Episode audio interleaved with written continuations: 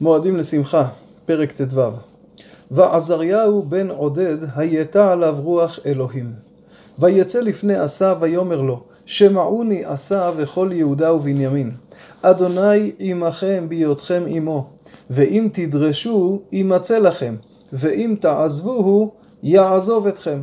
כלומר, עזריה ממנף בלשוננו את הניצחון על זרח הכושי, ובעצם בא ואומר, ראו, כך הקדוש ברוך הוא יהיה איתכם תמיד, אם תתמידו ותדרשו אותו, אבל אם חלילה תעזבו, יעזוב אתכם.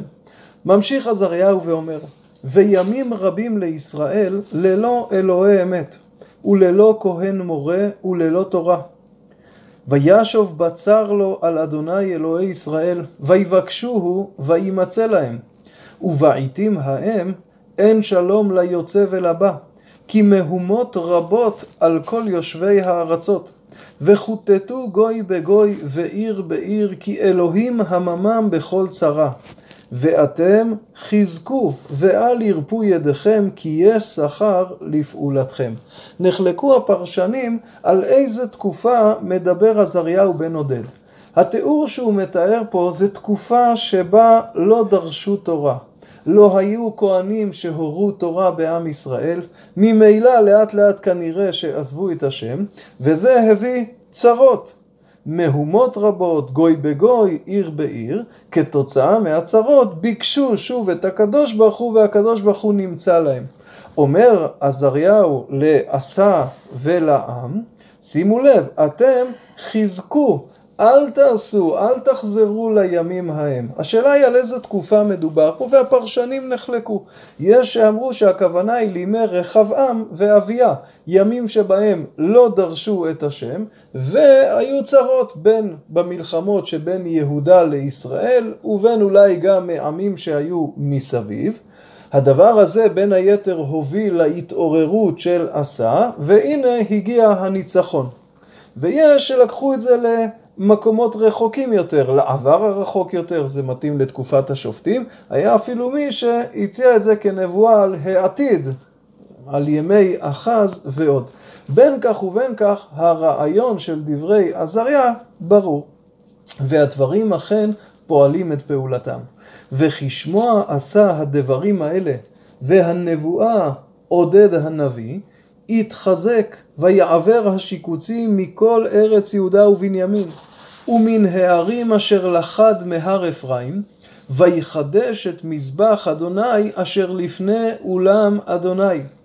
ויקבוץ את כל יהודה ובנימין והגרים עמהם מאפרים ומנשה ומשמעון, כי נפלו עליו מישראל לרוב בראותם כי אדוני אלוהיו עמו. כלומר, עשה שכבר החל בשינוי מגמה ובדרישת השם, מתחזק עוד יותר, מעלה רמה, מבאר את כל השיקוצים, את העבודה זרה, מחדש, משפץ את מזבח השם, ומכנס את כל יהודה ובנימין, ושימו לב, גם כאלה שהצטרפו אליהם מאפרים, מנשה ומשמעון. זו פעם שנייה כבר שאנחנו שומעים על אנשים מעשרת השבטים שמצטרפים לממלכת יהודה. הפעם הראשונה הייתה מיד אחרי הפיצול, אלו שלא אהבו את ההנהגה הרוחנית של ירובעם, וכאן הפעם השנייה, כלומר זו נקודה מאוד מעניינת, עוד נראה בהמשך, ש... אמנם עשרת השבטים גלו ולא ברור מה קורה איתם, אבל חלק מהם היו בתוך יהודה ובנימין. נחזור לענייננו. ויקבצו ירושלים בחודש השלישי לשנת חמש עשרה למלכות עשה. ויזבחו לאדוני ביום ההוא, מן השלל הביאו בקר שבע מאות וצאן שבעת אלפים. ויבואו בברית לדרוש את אדוני אלוהי אבותיהם בכל לבבם ובכל נפשם. וכל אשר לא ידרוש לאדוני אלוהי ישראל, יומת, למין קטון ועד גדול, למאיש ועד אישה. וישבעו לאדוני בקול גדול ובתרועה ובחצוצרות ובשופרות. וישמחו כל יהודה על השבועה, כי בכל לבבם נשבעו, ובכל רצונם ביקשו, וימצא להם, וינח אדוני להם מסביב. וגם מעכה אם עשה המלך, הסירה מגבירה, אשר עשתה לה אשרה מפלצת, ויכרות עשה את מפלצתה, וידק וישרוף בנחל קדרון. הנה הפסוק שדיברנו עליו, על מעכה אם הסבתא של עשה המלך, שמעמדה היה מעמד גדול, הסירה מגבירה, היה לה מעמד חשוב, והיא עשתה עבודה זרה, מה זה בדיוק המפלצת, הפרשנים נחלקו, לא משנה, זה סוג של עבודה זרה, ועשה באומץ רב ובלי לשאת פנים, הסיר אותה ממעמדה וביער את העבודה זרה שלה. והבמות לא סרו מישראל. רק לבב עשה היה שלם כל ימיו. כלומר, דבר אחד נשאר ואלו הבמות. לא מדובר על במות של עבודה זרה, אותם עשה באר, אלא על במות לעבודת השם. הייתה תקופה שהבמות הותרו, והם נשארו, ואנשים עדיין הקריבו קורבנות על הבמות, בזה עשה לא נגע, זה לא שר. ויבא את קודשי אביו וקודשיו בית האלוהים כסף וזהב וכלים. ומלחמה לא הייתה עד שנת שלושים וחמש למלכות עשה.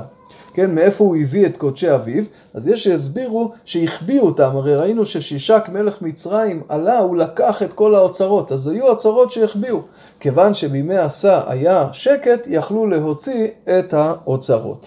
אז אם כן, אנחנו רואים בפרק הזה כיצד המגמה הרוחנית עולה קומה. בעקבות דברי עזריהו, הדבר הזה מוליך למהלך גדול של ביאור והחרטת עבודה זרה, ולברית, ברית מאוד מיוחדת. שימו לב שהברית מתקיימת בחודש השלישי.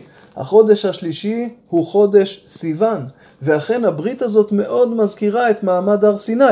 יש בה שבועה, יש שופרות, המספר שבע חוזר כמה פעמים, שבע מאות בקר, שבעת אלפים, שבועה, אולי זה מזכיר את חג השבועות, וזה לא לחינם, כי התוכן שלה הוא לדרוש בהשם.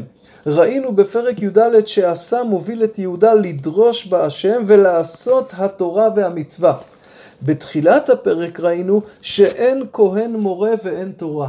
כלומר החידוש הוא לא רק כריתת ברית, אלא כריתת ברית מתוך מחויבות מחודשת לתורה וללימוד התורה. והרי זה ממש כמתן תורה, ולכן עשה קובע את הברית בחודש סיוון, בחודש של מתן תורה. ערב טוב.